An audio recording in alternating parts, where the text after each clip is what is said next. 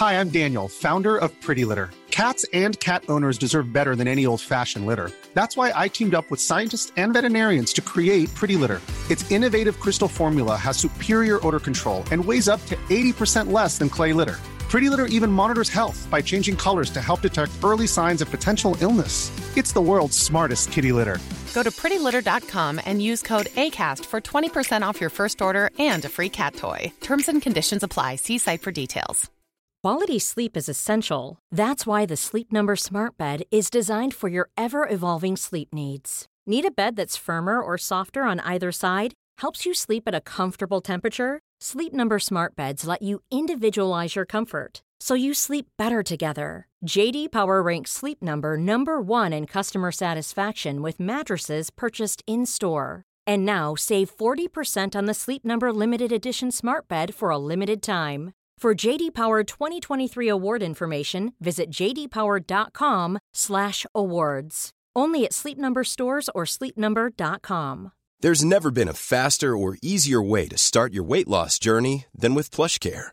PlushCare accepts most insurance plans and gives you online access to board-certified physicians who can prescribe FDA-approved weight loss medications like Wigovi and Zepbound for those who qualify. Take charge of your health and speak with a board-certified physician about a weight loss plan that's right for you. Get started today at plushcare.com slash weight loss. That's plushcare.com slash weight loss. plushcare.com slash weight loss.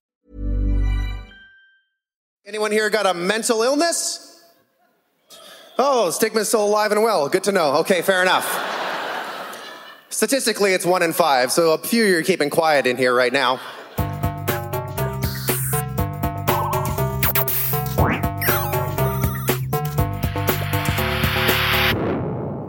Velkommen til Sinnsyn. Jeg heter Sondre Risom Livre, er psykolog, og dette er Webpsykologens podkast. Hverdagspsykologi for fagfolk og folk flest.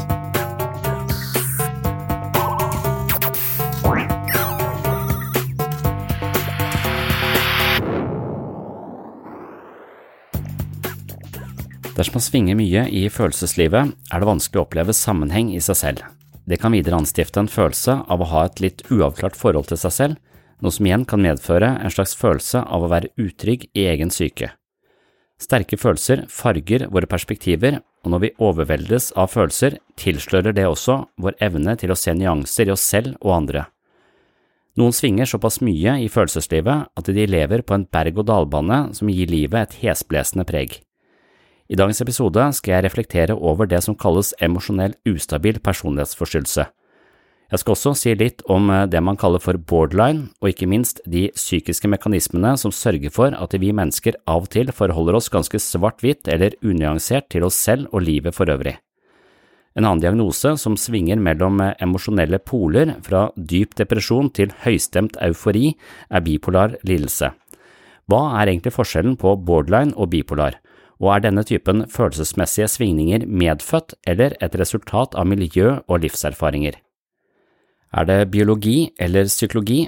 Og selvfølgelig er det jo litt av begge deler, men hvordan skal vi vekte og forstå de ulike forklaringsmodellene på menneskets emosjonelle liv i ubalanse? Man trenger ikke å være psykisk syk for å oppleve en viss ubalanse i sitt indre liv. Nærmere halvparten av oss vil oppleve episoder og epoker i livet som er mentalt smertefulle på et nivå som kan kvalifisere for en diagnose. Mitt høyeste ønske er at dette kan bli en type tematikk vi er åpne om og interesserer oss for. Psykiske plager er ikke sykdommer, men måter å tenke, føle og handle på som ikke er helt optimale.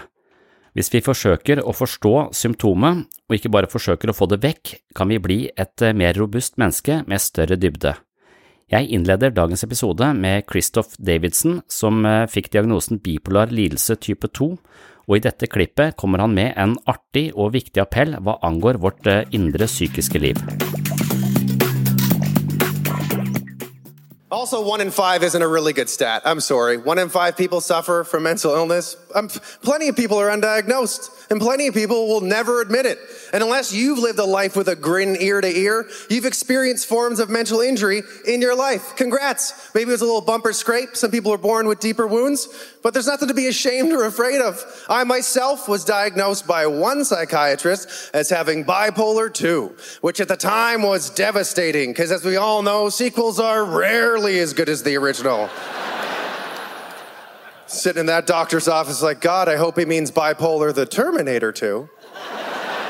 and certainly not bipolar the Matrix Reloaded. Those are two different experiences, one I would not like to repeat.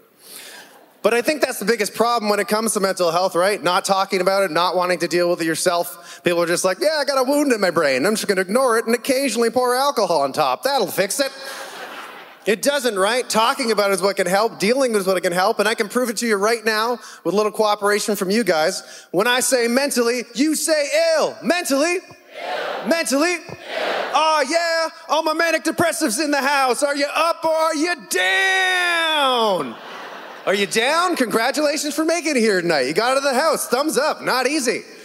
Are you up? Tell me about your business ideas, because I'm sure they're bursting out of your head like a mile a minute. When I say mentally, y'all say ill. Mentally. Ill. Mentally.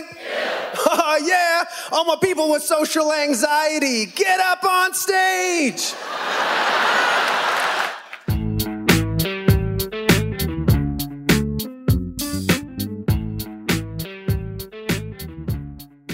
Det meste av eh, psykoterapeutisk praksis handler om å bli mer bevisst sine impulser og følelser med henblikk på å få mer kontroll. I psykoterapi gjør man altså et bevisst forsøk på å reflektere over egne følelser og tanker. Av og til rammes man av kraftige følelser som setter all rasjonell tankegang ut av spill. Man risikerer å handle impulsivt i situasjoner hvor man egentlig burde tenkt seg om to ganger. Teknikken i psykoterapi er å trene opp selvbevissthet, eller evnen til å reflektere over disse overmannende emosjonelle responsene slik at de mister litt av sin impulsive kraft. Man gjør sine egne følelser, destruktive tanker og uheldige responser om til refleksjonsobjekt, hvorpå man stiller seg utenfor seg selv og gjør en mer nøytral vurdering av den pågjeldende situasjonen. På sett og vis er det nettopp denne evnen, denne selvbevisstheten, som skiller oss fra dyrene. Istedenfor å handle impulsivt på alle innskytelser, har vi evnen til å hemme disse impulsene og vurdere dem opp mot situasjonen. Psykologen Paul Ekman, som er en ledende forsker på psykologisk sunnhet, forteller at denne innsikten var det viktigste han lærte under sin utdannelse som psykoterapeut. Han husker at veilederen hans formulerte det slik. Ditt mål for dine pasienter er å øke tiden mellom impuls og handling. Hvis de kan utvide det tidsrommet, vil det være en gevinst for dem. I dag skal det altså handle om et eh, noe ustabilt følelsesliv, hvordan vi skal forstå det, og ikke minst hva vi kan gjøre for å regulere oss eh, bedre for et eh, noe mer harmonisk liv. Velkommen til en emosjonelt ustabil episode av Sinnssyn, borderline type. Det handla kanskje litt om svart-hvitt-tenkning, eller en situasjon hvor vi blir fanga av den ene eller den andre følelsen. Så splitting er jo en eh, forsvarsmekanisme som tilhører denne kategorien av sterkt bildeforvrengende forsvar, som er en naturlig del av barnets eh, tilværelse, men det er også noe som vi henfaller til når vi er veldig pressa i voksen alder. For det organiserer verden på en litt enklere måte for oss, ondt og godt, svart eller hvitt, og nyansene uteblir.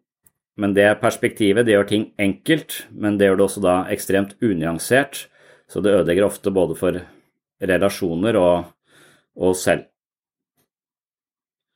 Så det er noe som alle mennesker har i seg. Vi blir svart-hvitt-tenkende når vi blir pressa hardt nok. Samfunnet blir svart-hvitt-tenkende når det blir pressa hardt nok.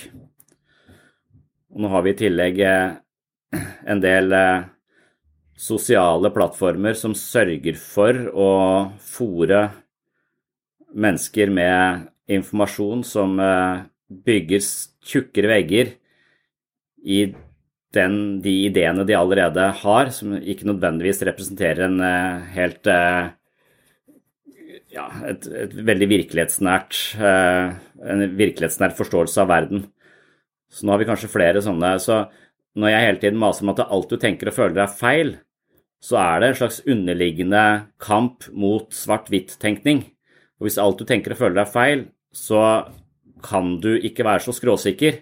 Og hvis du klarer å huske på å ikke være så skråsikker, så havner du ikke i denne borderline-posisjonen hvor du er skråsikker på det ene eller, det andre. 'jeg er udugelig' eller 'jeg er helt fantastisk', og så finnes det ikke noe mellomting. For sannsynligvis er du totalt udugelig og helt fantastisk, og du flukturerer litt rundt i det landskapet der, og du kan være begge, begge ting samtidig. Så det å opprettholde en sånn eh, perspektiv på, eh, på verden, det vil være ganske nyansert og sunt, da, og du vil ikke havne i følelsenes vold på samme måte. Så Det er en variant av det å havne i eh, følelsenes, følelsenes vold. For idet du handler i følelsenes vold, så, så, mister du den analytiske evnen eller det overblikket du trenger for å se, for å se flere ting samtidig. Og Det kaller man da eh, splitting. Eh, og det er eh, sånn en, eh, man tenker at denne personlighetsforstyrrelsen, eh, emosjonelt ustabil borderline-type, er da organisert. Og da skal det ikke så mye til før man reagerer på, med en sånn type borderline-respons. da. Så når, når, vi i terapi prøver å jobbe med Eller når, når man skal jobbe med seg selv i, i, forhold til å Eller når man skal jobbe med seg selv knytta til å å være et mer nyansert menneske, så kan man huske på at alt man tenker og føler er feil, men så tror jeg også man må utforske de følelsene som, eh, som man havner i og får, eh, og får sånne skylapper. Sånn at man må huske på den eh, sinnsstemningen, og så må man eh, i etterkant eh, mer eller mindre dramatisere eller sette ord på den sinnsstemningen, sånn at man forstår den og utforsker denne sinnsstemningen man var i med språket, med å prøve å gjenkalle følelsen når man ikke er så fanget av det. For da kan man utforske det territoriet og se at oi, her kan jeg fort havne. Dette er et rom uten vinduer, og her kommer jeg eh, inn hver gang jeg føler meg avvist. Så havner jeg i dette rommet uten vinduer, og, og nå, eh, så, så, det å sette seg i den situasjonen litt seinere og undersøke den, være nysgjerrig eh, på den, den, opplevelsen som ikke er spesielt Du får ganske sånn noia og klaustrofobi i det rommet hvor, blir, eh, hvor rullegardina går ned hver gang du blir avvist.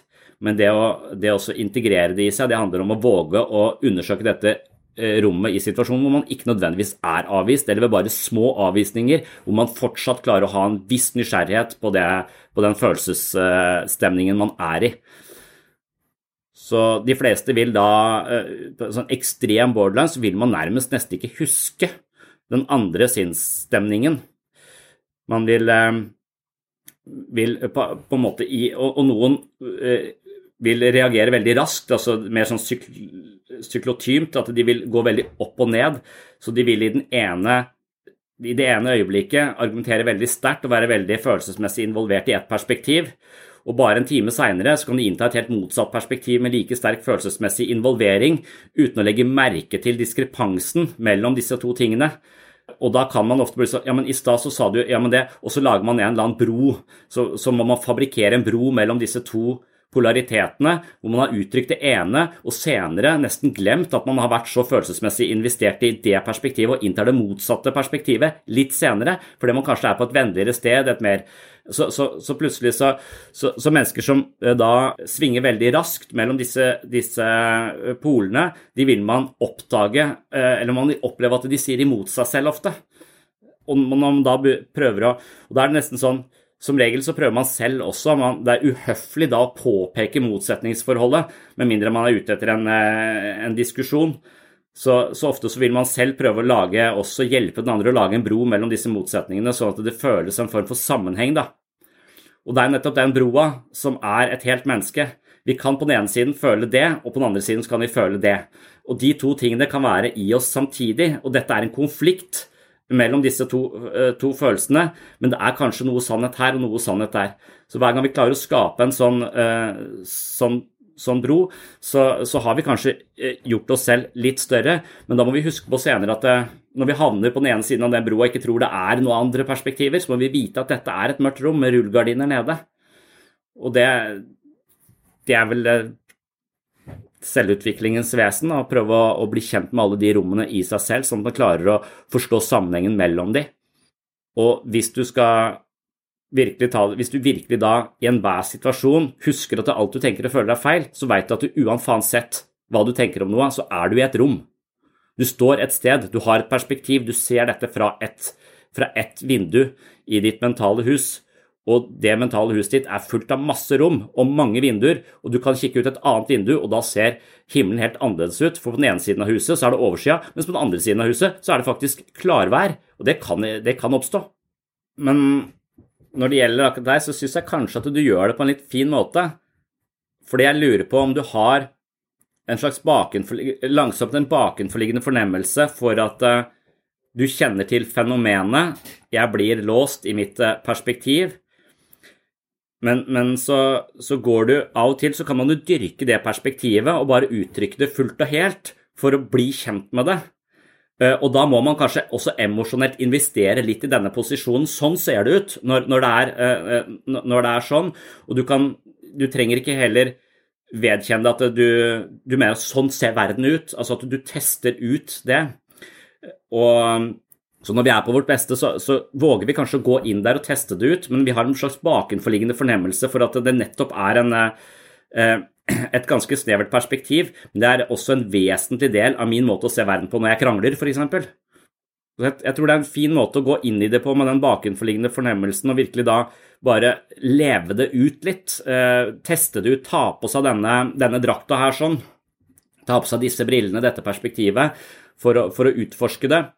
Og med en gang folk fornemmer at det er det man gjør, man tester ut eh, en, eh, en, en vill posisjon som kanskje er en bitte liten del av meg, men likevel ikke en så stor del av meg som det ofte blir, så kan det være litt gøy. Det er en slags uh, Men hvis folk misforstår det og tenker at du er sånn og går i krig med deg der, på det, på det, punktet, og tror at det du sier er sant, og du mener det fullt og helt, så har du ikke klart å formidle akkurat den underliggende At jeg gjør det på liksom.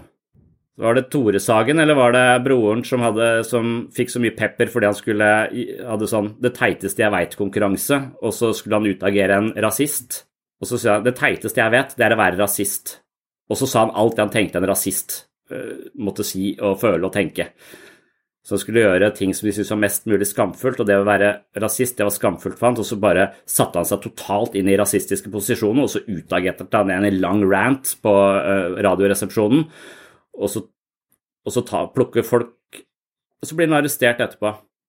Og da tenker jeg de som arresterer han på det, da har de en litt sånn Da har ikke de et som om-forhold til livet, de har et absolutt forhold til livet. Det han sier, det, det, er sånn det er. Men det er ikke det. Dette er et bilde på noe. Han prøver å parodiere noe, han prøver å demonstrere noe, han prøver å peke på noe som man kan finne i seg selv. Og hvis han våger det, så, så eier han det, og da er det ikke noe som han kommer til å havne i uforvarende og ha Ja, han havner ikke i rasisttunnelen og blir, går i tog.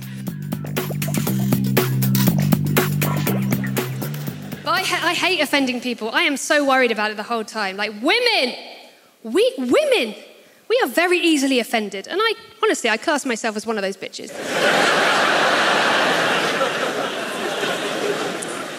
I get very worried about offending people. I'm so paranoid about saying the wrong thing. Honestly, like a few months ago, like Basically, it was my first night out since the baby was born, and I had a couple of real ales. I had a glass of white wine, which is never a good idea. Honestly, I've never once drunk white wine and not used the phrase, Why don't you just dump me then? but we were, a bit, we were a bit tipsy. We'd had a couple. And uh, halfway through the evening, my friend was like, Oh my God, I've just worked out who you look like to me. And I go, Who? And he goes, You look like a young Mary Berry. I was like, fine. She's a good gilf. Okay, yeah, fine.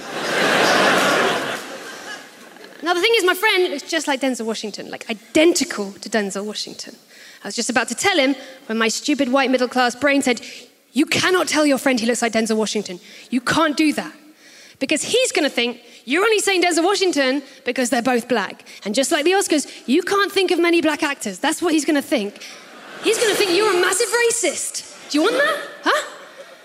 And then my brain went, yeah, but if you don't tell your friend he looks like Denzel Washington, and by the way, he does look a lot like Denzel Washington, just the same as I look like Mary Berry, and that's not racist to compare us. Like, just like they do look similar, if you don't tell him he looks like Denzel Washington, then you're treating your friend differently because of the color of his skin, and that does make you a massive racist. and I was like, besides, Denzel Washington is super hot. Like, I remember as a teenager, I watched Pelican Brief for the first time. I had a very vivid sex dream that Denzel butterflied over me.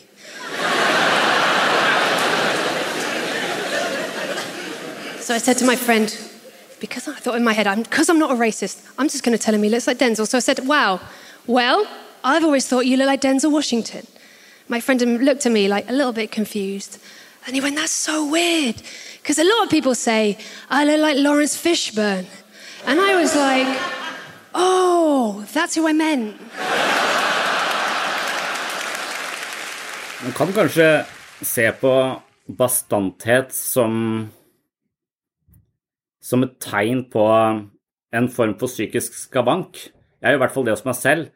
For det er jo når jeg krangler og jeg rasjonalisere for meg selv at mitt perspektiv er så riktig at jeg har grunn til å utbasonere dette perspektivet. Og så går det noen timer, kanskje noen dager, og så begynner jeg å tenke på men hvordan opplevde egentlig hun den situasjonen? Hva var egentlig hennes perspektiv? For når jeg var så følelsesmessig oppglødd, så hadde ikke jeg da, da, forsvinner man jo inn i sitt eget perspektiv, så evnen til å opprettholde flere perspektiver uteblir jo. Så tar det av og til litt tid før jeg klarer å, å innhente et, et, større perspektiv på det og se, se ting fra, fra flere sider. Og mental styrke er vel å gjøre det underveis når du er virkelig, virkelig fanga. Og det er det nesten ingen som, eh, som klarer. Det har noen sånne enorme følelsesmessige omkostninger, eller omkostning for vår identitet eller selvforståelse også. For det krever liksom en slags justering av vårt eget selvbilde. Hvis jeg tar feil her, hvis det var min feil i denne krangelen, så er jo jeg et eh, dårlig menneske. Eller jeg er ikke et så godt menneske som det jeg håpet på at jeg var. Så det handler jo alltid om en slags eh, litt sånn vond innsikt også. Og det er jo den innsikten som eh, unge mennesker og barn ikke har råd til, fordi at det, de er såpass prisgitt f.eks. For foreldrene sine da, at de kan ikke innta et mer nyansert perspektiv på foreldrene sine. Foreldrene må være sterkere enn meg, de må være gode, og de må være Altså, det er ikke sikkert alle har det, har det sånn, det er mange, mange, varianter av dette, men vi har en tendens til å idealisere noen fordi vi har behov for at de er sterkere enn oss selv, og da overser vi alle feilene. Eh, og selv om det er åpenbart for andre at dette her er en person som ikke er bra for deg, så vil du avvise alle sånne innspill fordi du trenger å ha denne personen helt ren. For hvis ikke den personen er ren, så er jeg alene i verden, og ingen kan ta vare på meg. Så det, Hvis den personen da oppfører seg dårlig mot meg, så må de ha noe med meg å gjøre, så vi spalter verden i at det er jeg som er ond. Og det er derfor den personen oppfører seg sånn. For hvis vi ser at den personen nå oppfører seg ufint mot meg uten grunn, så må jeg begynne å revurdere mitt, hele mitt perspektiv på den personen. Og hvis ikke den personen jeg kan stole 100% på den, da er ingen å stole på, og da er jeg helt alene i verden, og da går ikke an å være her. Så vi har en, eh, vi har en slags Som barn så har vi en, eh, har vi en stor interesse av at uh, foreldrene våre er så gode som mulig, og hvis de ikke er det, så må vi late som om de er det. Og så må vi ta på oss de sorte sidene av våre foreldre, må vi ta på vår egen, vår egen kappe. Det er da man utvikler den ideen om at jeg er udugelig, og de er, uh, de er bedre. Man får et sort-hvitt perspektiv. Man spalter verden opp i sort, sort, og hvitt, og det er også det man ser i en, en psykoselignende situasjon. At man Alt det som er man, man, kan jo også se at man kan spalte seg selv. altså Jeg orker ikke å se på alle de sidene med meg som er mindre attraktive. Derfor så putter jeg de utenfor meg selv. Og Det er jo det mer paranoide universet, hvor verden er eh, farlig, verden er dumme. altså Når Kari Jakkesson er så skråsikker på at covid-19 ikke eksisterer, og driver og jatter om hvordan eh, Bent Høie er så dum, og han er eh, manipulerende, og han ljuger, og se hvordan de ljuger, så har hun liksom alt det onde, alt det slemme, alt det manipulerende, alt, uh, all denne overform... Alt det, det ligger i verden der ute, og så er det jeg som har det riktige perspektivet. En total spalting av, av verden. Uh, en paranoid tendens til å tenke at verden er ute etter å ta deg, verden er slem. Um, og, og, ofte så er jo det en slags et bilde på et psykisk drama som egentlig hører til inni individet, men det er så store konflikter i meg at jeg kan ikke bære disse motstridende tingene, så jeg putter det ene utenfor og det andre innen. Og noen gjør det da at jeg er god og de er onde, eller jeg er ond og de er gode. Du kan jo, og begge deler. Noen, Ofte så veksler man. Enten så er jeg god og har rett, eller så er jeg ond og er et uh, svart menneske. Og det, er, det, kjenner jeg meg igjen i. Altså Når jeg krangler, så kan jeg tenke at jeg er rett, de er urettferdige mot meg. Og så kan jeg senere gå en tur i skogen og føle at jeg er verdens verste pappa. Jeg er det mørkeste mennesket som har gått i to sko. Jeg kan få den total motsatte opplevelsen. Og så tenker jeg, og da må jeg huske på at alt jeg tenker og føler er feil, for sannsynligvis er et sted midt imellom ond og god. Du må ta det gode må det onde, eh, som er eh, inngangsporten til riket av eh, denne danske serien av eh, Lars von Trier. Være beredt på å ta det gode må det onde, startet den alltid med. Og det, og det, men, men, da går jeg helt ut i det svarte, helt inn i det selvberettigede, og så, så, så må de klasje sammen på et eller annet eh, tidspunkt her. Og det er jo en smert, jævla smertefull prosess, da. Og Hvis ikke du har hatt en eller annen trygghet i bånd, hvis du ikke har et sted å stå, hvis du ikke har folk du er glad i som tar vare på deg osv., så, så, så, så må du ofte bare opprettholde denne, eh, denne, disse tingene. Kan, du har ikke kapasitet til å forene dem, for det er så store omkostninger. Ja, man, det er vanskelig å ta det der og da for de fleste av oss, ikke sant? men noen har mer kapasitet til det enn andre. De klarer også å regulere seg underveis og så innta et mer nyansert perspektiv, og det er mental styrke. Men i noen situasjoner så vil vi ikke klare det. Og For meg så er det igjen ganske vanskelig å gå tilbake til den enkelte situasjonen fordi det er så skamfullt. Så dermed så, så, er det problematisk for meg å gå tilbake dit. Men jeg tror måten jeg eventuelt prøver å vokse på, er at jeg senere dramatiserer den posisjonen for meg selv i en eller annen setting med et slags smil om munnen Se på dette. Så teit. Altså, så at jeg tester ut denne snevre tunnelsynet uh, for noen andre, som da har en slags forståelse for at det nå bare gjøgler jeg til en eller annen sånn sinnssyk posisjon her. Det er umulig. La oss bare gå helt hardcore inn og se det fra denne siden. Og så, Da mener jeg det litt på alvor og litt på spøk, men det er med denne slags humoristiske distansen jeg kan klare å liksom bli kjent med den mørke den, eller det sneversynet der sånn som jeg vet også bor i meg, men jeg har en slags humoristisk distanse til det, og sånn tror jeg kanskje at jeg fordi jeg da kjenner det på et senere tidspunkt, har mindre sjanse for å gå i akkurat den samme grøfta. Jeg går i grøfta som er rett ved siden av isteden. så det er så jævla mange grøfter. Men, eh, men det å kjenne til flere og flere grøfter er eh, men jeg syns ikke jeg er så god til å gå tilbake til den samme situasjonen og si du, beklager det. Altså kanskje en sånn bisetning eh, uten øyekontakt. det er absolutt det. Det er det der Gottmann-folka, de der parekspertene, sier også, at det, de beste forholda de klarer når, du, når du har vært skråsikker, gått hardt ut, er midt i krangelen, innser at du har mista en hel haug av perspektiver, og nå er saken din ganske tynn. Det, de som klarer å reparere en sånn en med han, Hans eksempel er å rekke tunge til hverandre, altså, men det er ikke veldig morsomt, da. Men, men, det er de som klarer å finne en eller annen humoristisk element inn i det, de kan lande dette på en veldig god måte, og det parforholdet vil holde veldig lenge. Altså, det, det er et sånt tegn på et sunt parforhold at de nettopp for det er kun For å ikke drukne i skam, så må du ha en eller annen halvveis humoristisk distanse til det, ikke sant? Det er som en sånn psykodynamiske beskrivelsen av eh, splitting som forsvar, at det er en naturlig del av barnets eh, opplevelsesmodus fordi at den ikke klarer å holde så mange perspektiver i hodet samtidig.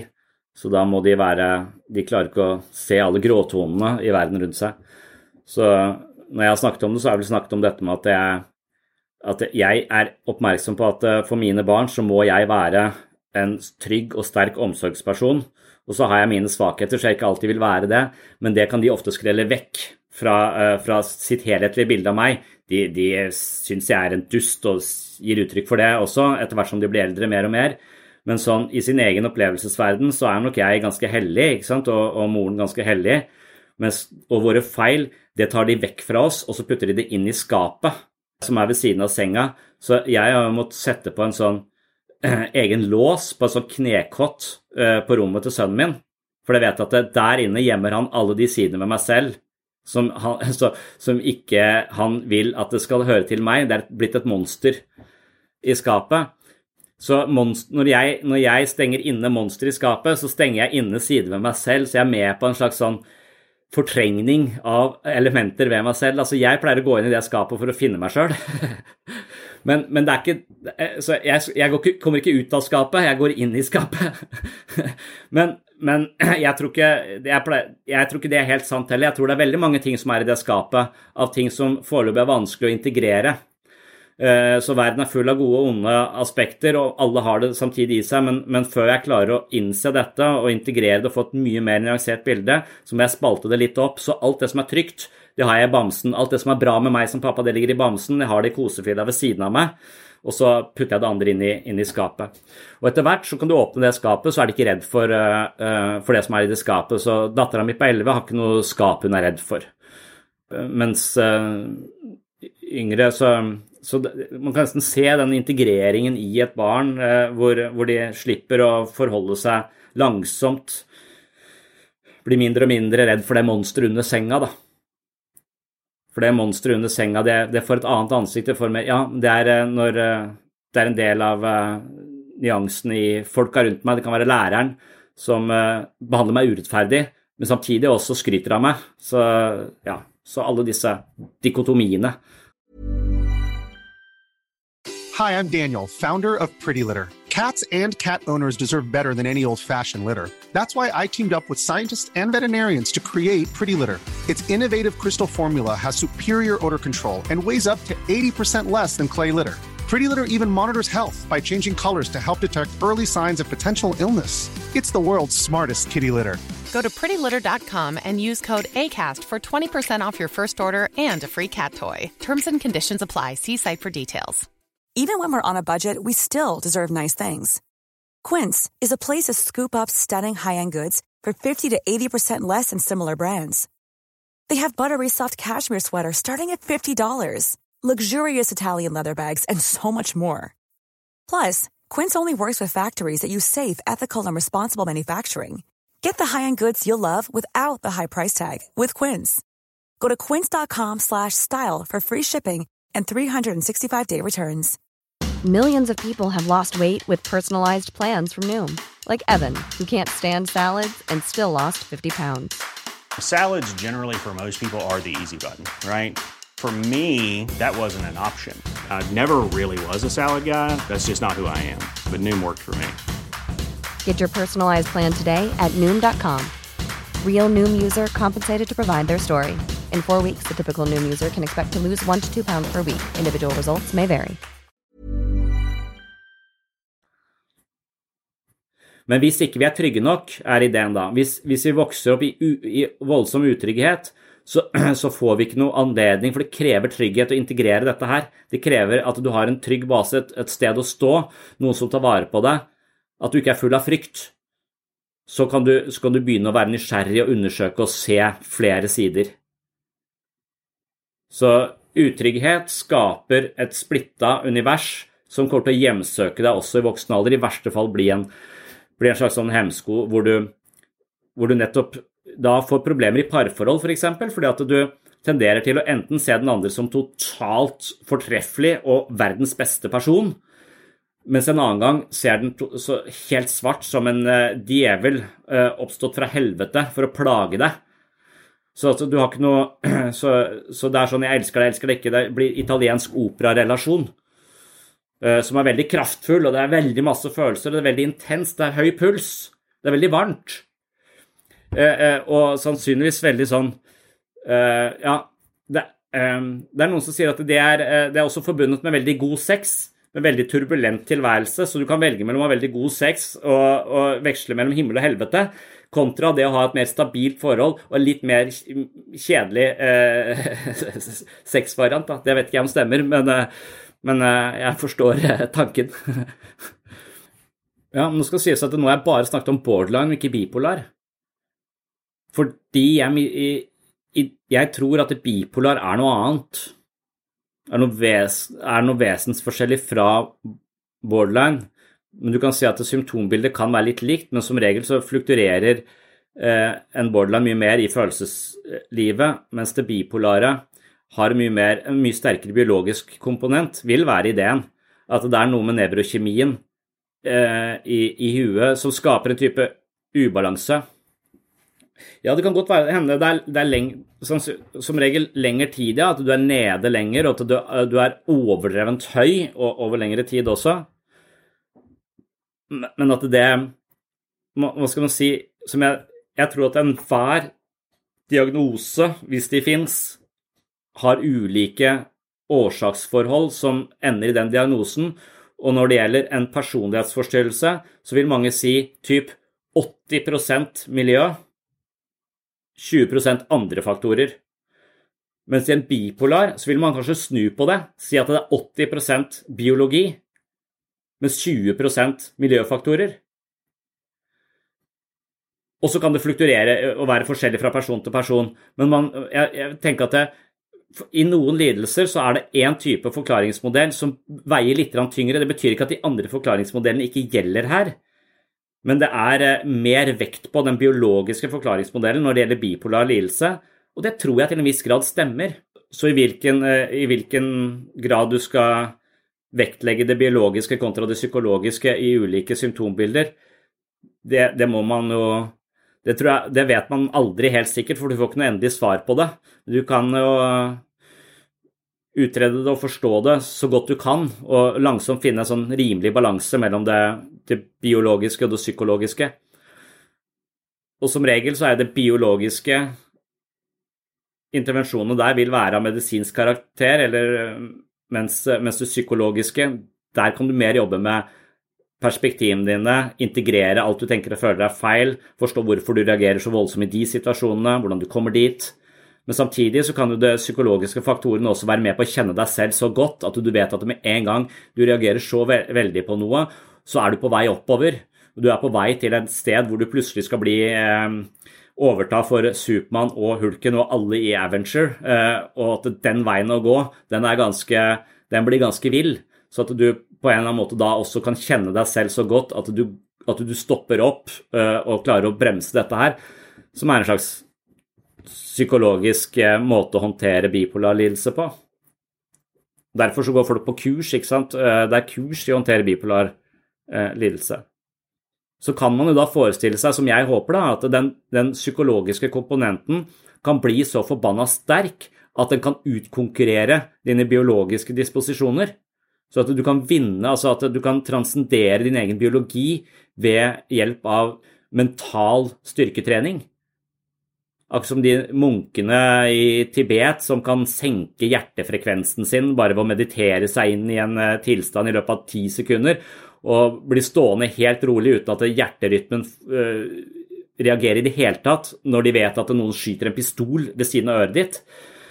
Altså, sånne, altså at de, de får en mental kontroll som er så sterk og beholder en sånn sinnsro uavhengig av at de kanskje i utgangspunktet har en nevrokjemi som borger for bipolar lidelse og totalt høy og langt nede, men så klarer de ved hjelp av eh, mental disiplin og meditasjon og selvinnsikt å kontre dette her.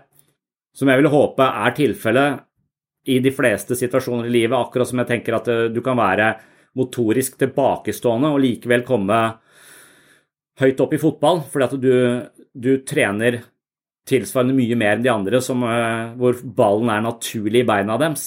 Mens for deg så har det aldri vært naturlig, men du, trener, du la inn en så høy innsats at du likevel klarte å opparbeide en type balanse og, og, motorikk som gjorde at du ble ganske god i fotball. Og da syns jeg vi skal applaudere den eh, fotballspilleren desto høyere, fordi at da Og seieren etter noe som har kosta så mye, må jo smake enda bedre enn hvis det kommer helt naturlig. Så selv om vi da på noen områder har en, en unaturlig eller en, en, en, svakhet, og vi klarer å, å, klarer å transcendere den svakheten på en eller annen måte, så, så, tenker jeg at det er eh, Hvis du bruker livet på den måten, så, så tror jeg det blir innholdsrikt og, og meningsfullt. Det er et veldig viktig perspektiv å trekke frem, for jeg tror vi det som man kaller sånn biologisk determinisme, at vi tenker at biologien vår og genene våre det styrer en del parametere som er utenfor vår kontroll, og de må vi bare akseptere og godta. Og til en viss grad så er det vel sånn, for man kan jo si at det, du, kan jo ikke, du kan ikke gjøre noe med din egen høyde, f.eks. Det er det du kan. Ja, du, du, kan dra til Kina, for da, for da, vil du forholdsmessig være høyere. Men, men, jeg husker eh, jeg hadde en bestemor som var en sånn lita kone, liksom. Og når hun eh, sto opp om morgenen, og så var sånn 90 år, så hang hun i en sånn stang. Og så om morgenen, når jeg sov ved siden av henne når jeg var liten, så, så lå hun så lenge og strakk. Og så spør jeg hva er det du driver med? Jeg blir lenger. Eh, for når du blir eldre, så blir du kortere og kortere. Men jeg skal, jeg skal stritte imot dette. Så hun hang i en sånn stang og mente at hun da strakk ut ledda og blei høyere. Så, så, eh, så, hun krympa jo krympa og blei mindre og mindre en slags rosin, ikke sant. Men, men hun jobba iherdig mot denne forkortningen av, av, seg selv. Så hun mente at selv høyde er ikke noe som er forutbestemt. Her kan jeg ha en viss påvirkningskraft. For biologi, psykologi, de, de, to tingene er jo også helt uatskillelige, for de påvirker hverandre alltid i en eller annen grad. Så, så, man, så man kan jo si at eh, ja eh, selv, altså Måten jeg lever livet mitt på, styrer også nivået av testosteron i hjernen min, f.eks. Så hvis jeg lever som en monogam person, stille og rolig i en familie, så vil testosteronnivået mitt gå ned. Men hvis jeg hele tiden er på jakt etter noen andre, så vil, vil testosteronnivået mitt gå. Så, så, så, innstillingen min og holdningen min og måten å leve på er jo også med på å påvirke eh, biologien. Og biologien min i utgangspunktet, altså nivået mitt av testosteron, vil også kanskje eh, være sammenfallende med hvor lett irritert jeg blir, eller hvor sint jeg blir, eller hvor selvhevdende jeg er. Så, så alle disse tingene eh, henger jo sammen, så ja. Så er det farer på begge disse sidene, da. Eh, for det, noen har en tendens til å psykologisere alt, og noen har en tendens til å gjøre alt om til biologi og bli et offer for, eh, for de biologiske omstendighetene. Men idet du da kjemper for at psykologien og din egen påvirkningskraft skal få mye større, så gir du også enkeltpersonen som veldig mye ansvar, og av og til ansvar for ting som egentlig ligger utenfor for ens egen kontroll. For det er noen som mener at kreft er psykisk. Og det er jo til en viss grad er jo, Han er inne på noe, men han kan ikke si at det utelukkende er psykisk. For det, du kan jo du kan jo se en gate som får eh, åtte av ti kreft, for det er en høyspentledning over. Nå vet ikke jeg om det er kreftfremkallende, bare la oss si at det, igjen så vil det være fysiske faktorer utenfor deg selv som er, eh, som er medvirkende eh, i, i, dette, i, dette, bildet. Så så ethvert sykdomsbilde har sannsynligvis én million årsaker, og hvis vi kjenner til litt mange av de, så kan vi prøve å ta eierskap og korrigere de vi kan, for det vil bedre situasjonen. Men eh, jeg vil si at alt du tenker og føler er eh, feil, eller alt du tenker og føler er bare litt riktig. Så at Trump er en tulling, det er sant. Men det er jo Du kan også si men det er ikke hans skyld. Han har vokst opp sånn. Han har blitt oppfostra som en ø, psykopat. Dette har vært et lite barn. Han har mange gode ting i seg. Han er god der. Så, så det, er et, eh, det, er jo med vilje å innta et sånn Utbasonere et snevert perspektiv på et menneske jeg ikke kjenner. Men summen av, av, han har en skadelig effekt kanskje på, på samfunnet vårt. Men, men å si Altså jeg mener at jeg kan også påstå at alt du tenker og føler, er riktig. For det blir omtrent den samme påstanden. Bare at den er mye mer finurlig, for da tror du ja, da er det sant. Ja, det er sant i tillegg til tusen andre ting som er sant om dette her. Så, så hva, hva, betyr sant? Trump er en tulling. Det er én eh, av tusen eh, millioner ting som, er, eh, som man kan si om den saken, liksom. Så så, så det er å, å, tro at du har sett Så alt du føler, tenker og føler er feil, eller alt du tenker og føler er sant, betyr bare at det, uh, Uansett hvor du står når du ser dette, så ser du det Du ser aldri helheten. Og det å ha den ydmykheten med seg, den, alt, den, den, den er sunn, for den vil, den vil motarbeide uh, splitting og, og svart-hvitt-tenkning og, og så videre. Um, you're not known to be a humble man. But I wonder. I think I am actually humble. I think I'm much more humble than you would understand. China has total respect for Donald Trump and for Donald Trump's very, very large uh, brain.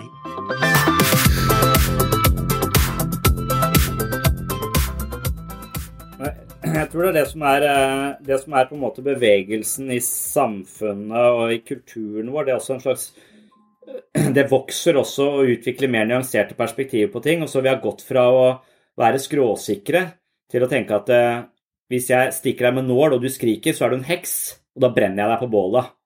Det er sant. Og så, eh, det er en merkelig test å ta på folk. Hvis du, hvis du skriker når jeg stikker deg med nål, så, så er du en heks. Altså, så vi har hatt ganske sånne enspora og enkle forståelser av, uh, av tilværelsen. Tror at Gud er sann, det er det, det er det, det er det. Og så hatt veldig sånne bombastiske forståelser. Og da har vi langsomt uh, Pga. naturvitenskap osv. Så, videre, så har vi tenkt at uh, oi, alt det vi trodde, var ikke helt sånn som vi trodde. Så vi har fått flere uh, perspektiver, og så hadde vi trodd bombastisk på naturvitenskap. Men så ser vi at selv der er det vanskelig å si noe entydig som er fullstendig sant. Vi finner aldri sannheten med stor S.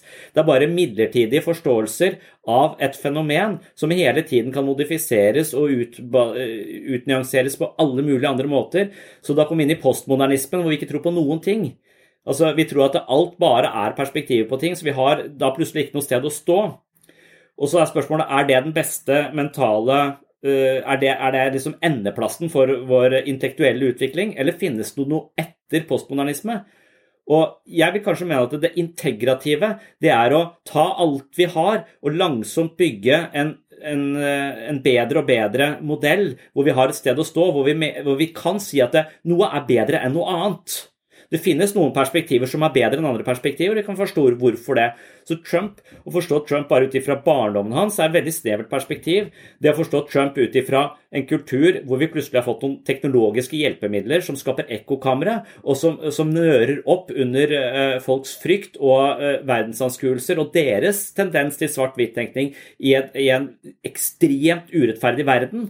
Altså alle disse, så, så det integrative vil jo være å ta med sosiologi, psykologi, samfunnsvitenskap, statsvitenskap, sannsynligvis natur Alle fagfeltene på et universitet representerer jo et, et, blikk på verden og kan si noe om det samme fenomenet. Og, en, og Når vi klarer å sammenfatte dette, så har vi et integrativt perspektiv. Hvor vi ikke tror at hver enkelt disiplin har en eller annen form for sannhet, men de har et ganske god oversikt innenfor ett område av denne, av denne saken. Og jeg tenker litt på samme måte vil være en, en sunn psykisk utvikling oss selv. da og ha, og ha, et integrativt perspektiv. Men så veldig ofte så har vi behov for én en enkel forståelse. Ja, jeg skal bare forstå det. Sånn er det. Det er pga. det. Det er pga. barndommen min. Det er pga. alkoholen. Det er pga. det. Det er pga. det. Og så slår man seg til, til ro med én forklaringsmodell. Og, og, så, og da, da tar man så feil. Og så har man så rett. For det er også det. men, eh, men tilbake til dette med å være litt sånn svart-hvitt-tenkende, da, så, så, tror jeg vel at eh, selvutvikling er det samme som å gå på et universitet for sitt eget indre liv. og Det er derfor jeg har liksom likt å tenke på at det, eh, hva hvis Solvang kan være et universitet, et psykologisk universitet for altså Og da driver vi ikke bare med å forstå oss selv, vi driver og trener, vi gjør yoga, vi, vi, vi, prøver mange ulike typer innfallsvinkler. For jeg mener at hvis du går på et universitet lenge, så kan du studere ett fag, og så kan du kanskje studere flere fag, og så kanskje har du eh, kamerater og folk fra andre studieretninger. Så, så, langsomt så bygger du deg opp en stadig mer større forståelse for, eh, for, verden rundt deg. Og da vil du også fungere mye mer eh, regulert i en debatt med andre, fordi du skjønner hvor de kommer fra, kanskje. Du har sett disse perspektivene. Så det å være en forsker altså Det som kjennetegner gode forskere, er vel en viss grad av ydmykhet. Altså jeg tenker, Hvis jeg hadde funnet ut det du har funnet ut i din forskning, så hadde jeg påstått akkurat det. Nå hadde jeg bare skrevet masse artikler og sett at sånn er verden. Og så Nei, det kan jeg ikke egentlig si. Jo, det kan du vel si. Og så Nei, for, for da har du ikke koda for det. Så de, de, de, de ser alle feilskjærene. De er så oppmerksomme på at de kan ikke konkludere sånn som jeg ville lett bare Ja, men det kan vi jo si. Vi, det kan vi stå inne for. Nei, vi kan ikke det, for da har du ikke tatt hensyn til det. Så gode forskere er jo ydmyke på at de kun ser et lite utsnitt. og så bygger de eh, brikke for brikke for å få et, eh, få et, større perspektiv. Og livet er jo da det puslespillet som du aldri blir ferdig med. Det er liksom bare Puslespillet er like stort som selve livet, så du finner alltid nye brikker. Og det er kanskje meningen, da, finne disse, disse brikkene, men å tro at du på et eller annet tidspunkt blir ferdig fordi at dette puslespillet har 500 brikker, det er ikke sant. Dette, dette puslespillet er uendelig. Uh, og det uh, syns folk kanskje er litt vanskelig Jeg syns det er nesten det som gjør det er spennende perspektiv at livet er et uendelig puslespill hvor du kan hele tiden finne nye brikker. Og så tenker jeg at eh, hvis du tenker sånn om ditt eget indre liv, at det handler om å legge et puslespill, så kan det kanskje være litt sånn eh, Kanskje du kan finne en form for entusiasme og interesse i det som kontrer depresjonen innimellom. Sånn at du klarer å etablere en form for nysgjerrighet på din egen destruktive tendens og, og, og depressive eh, svingninger. I hvert fall hvis du ikke er helt dypt nede i det. Og, og hvis, du kan, hvis, du klarer å tenne den interessen hos folk, så tror jeg man har gjort veldig mye. For da, da tror jeg de har en slags nysgjerrighet på seg sjøl, og da har de begynt å legge dette psykiske puslespillet. Men hvis du sier at jeg er faen ikke interessert i å legge mitt eget puslespill, jeg vil bare ha det vekk, jeg vil bare ikke være lei meg, jeg vil bare være glad, eh, så, så, så vil du ikke lære noe, og du vil være dårlig på å legge puslespill, og du vil på et sett og vis være dårlig mentalt utrusta til å møte livets utfordringer og deg sjøl. For er bare, det er bare kaos, da. Du er bare masse brikker som ikke har noe Det er ikke noe klart bilde, det er ikke et sted å stå. Jeg vet ikke hvordan det passer inn i den metaforen, men det er kanskje sånn at du har pressa noen brikker. Det er noen ganger du ja, den passer, den brikken der, og så bare presser du det sammen, og så skjønner du at det bildet her er litt skeivt, så du er nødt til å ta det opp igjen for å, for å, begynne på nytt. Det er kanskje det som er denne å rygge litt, for å si at alt det jeg tenkte at jeg var, det var ikke helt sånn likevel, og at da må du gi slipp på noe som du har jobba mye for, som, og du har tviholdt på lenge. Så det er jo det å gi slipp, denne ban bananmetaforen til disse apene, som er litt eh, teite, visstnok. Hvis du gjemmer en banan inn i et sånt bur, så tar apen inn i buret, tar tak i bananen, og så får han ikke handa si ut.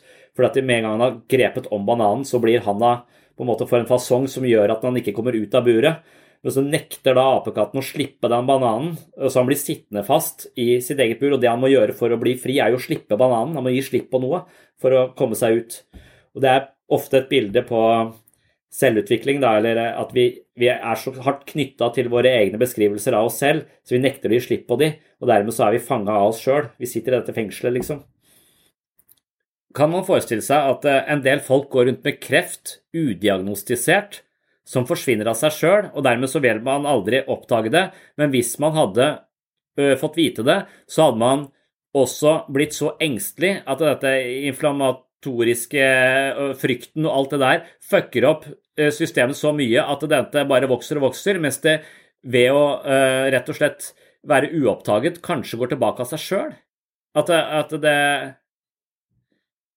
Det er ganske spekulativt, da, men, men det, det, det, er hvert fall det du sier, er at dette er ikke selv biologiske diagnoser som vi tenker på som rent biologiske, er ikke skrevet i stein. Det er eh, et stort sprik og, masse forskjellige nyanser innenfor enhver sånn, eh, sånn type tilstand som kan utarte seg helt, helt forskjellig. Og når du snakker, når du spurte i stad om hva er det bipolare spekteret, eller schizofrene spekteret, så jeg er ikke sikker på om jeg vet akkurat hva det er. Jeg har en viss forståelse for det, men sånn bildet mitt på det vil være stier oppi huet ditt. Så alle mennesker har Noen mennesker har bare noen få stier, så de går enten ut i det maniske eller ned i det depressive. Altså Når de går for langt ut i det maniske, så må de snu og gå tilbake igjen. Men den stien den går bare mellom depresjon og mani. Men så går det an å ta en avstikker som går, annet, uh, går en helt annen vei. Så, så, vi er på mange spektre. Så, så på angstspekteret Jeg kjenner meg igjen i angst pasienter. Jeg vet hvordan de har det til en viss grad, men jeg har ikke gått så langt ut på den stien som de har gått. Men jeg har den stien i meg, jeg kan gå den veien. Jeg kan fremkalle det, jeg kan forstå det. Og jeg kan også gå ut spesielt i, i det bipolare, så kan jeg gå ut i manispekteret. Jeg, jeg, vet hvilken sti det er. Eh, jeg har aldri gått helt til enden der, for jeg anser det som et litt utrygt sted å, å være, men jeg kjenner igjen Eh, euforien, den oppstemtheten, den overveldende troa på seg selv. Eh, og så, så, kjenner jeg til depresjonen som eh, slår den i fillebiter, og, og hvordan det fallet mellom disse to polene på dette spekteret føles hvis du går for fort fra den ene til den andre. Så det er den pendelbevegelsen som er beskrevet her flere ganger tidligere. Så jeg tror vi har masse spekter i oss hvor vi, hvor vi på sett og vis også ved å kjenne igjen disse spekterne og vite hvordan disse stiene ser ut, kan, kan ha god oversikt i vår egen skau, og så gå litt uh, rundt forbi og si at ah, denne stien den fører jo akkurat dit, men jeg tror jeg tar denne avstikkeren, for det er litt lettere å gå uh, via Krokkjønn og rundt, istedenfor å gå rett inn i, uh, inn i krattet der sånn. Takk for at du hørte på Sinnsyn. Takk til alle dere som støtter podkasten via Patron. Det setter jeg stor pris på. Takk til alle som har rata podkasten i iTunes. Eh, det er også veldig hyggelig. Og før vi avslutter helt her, så vil jeg ha med et lite innspill fra en eh, psykiater som snakker om eh, tre ulike clusters i forhold til dette med personlighetsforstyrrelse.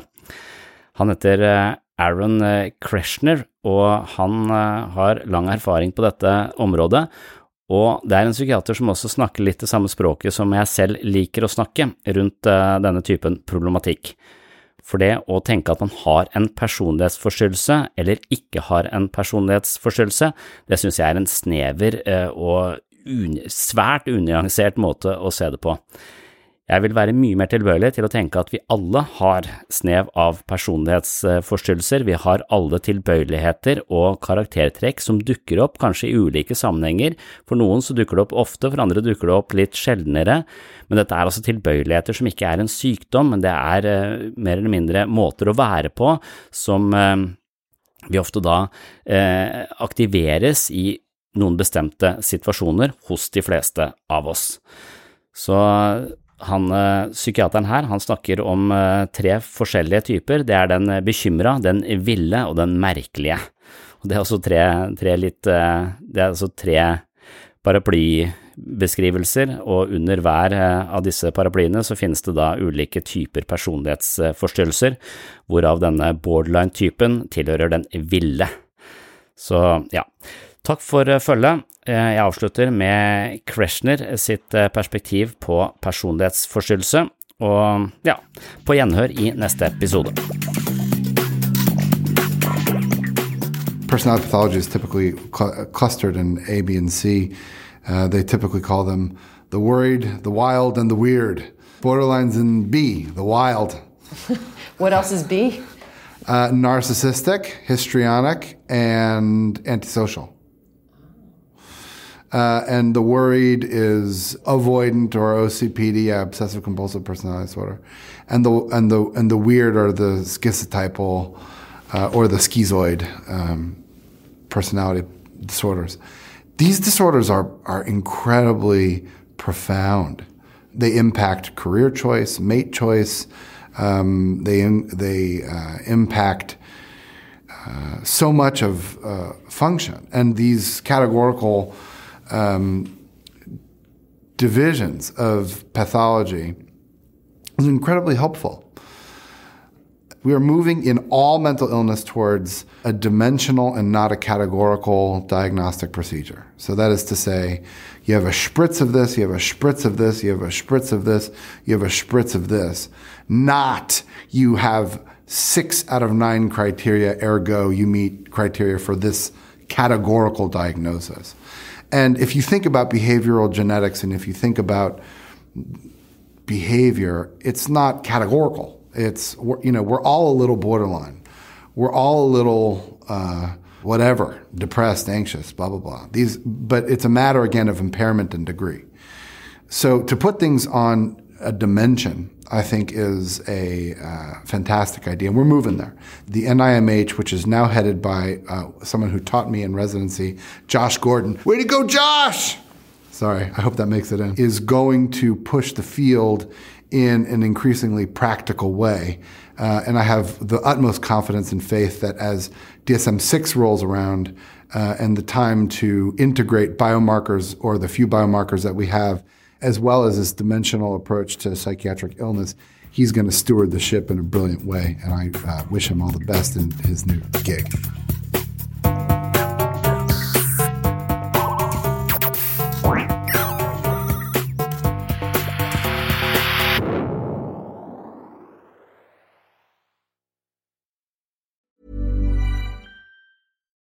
Deserves the best, and there's no better place to shop for Mother's Day than Whole Foods Market. They're your destination for unbeatable savings, from premium gifts to show-stopping flowers and irresistible desserts. Start by saving 33% with Prime on all body care and candles. Then get a 15-stem bunch of tulips for just $9.99 each with Prime. Round out Mom's menu with festive rosé, irresistible berry chantilly cake, and more special treats. Come celebrate Mother's Day at Whole Foods Market. Flexibility is great. That's why there's yoga. Flexibility for your insurance coverage is great too. That's why there's United Healthcare Insurance Plans.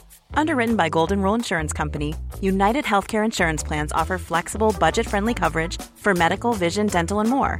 One of these plans may be right for you if you're, say, between jobs, coming off your parents' plan, turning a side hustle into a full hustle, or even missed open enrollment. Want more flexibility? Find out more about United Healthcare Insurance Plans at uh1.com. Even on a budget, quality is non-negotiable. That's why Quince is the place to score high-end essentials at 50 to 80% less than similar brands. Get your hands on buttery soft cashmere sweaters from just 60 bucks, Italian leather jackets, and so much more. And the best part about Quince, they exclusively partner with factories committed to safe, ethical, and responsible manufacturing. Elevate your style without the elevated price tag with Quince. Go to quince.com slash upgrade for free shipping and 365-day returns.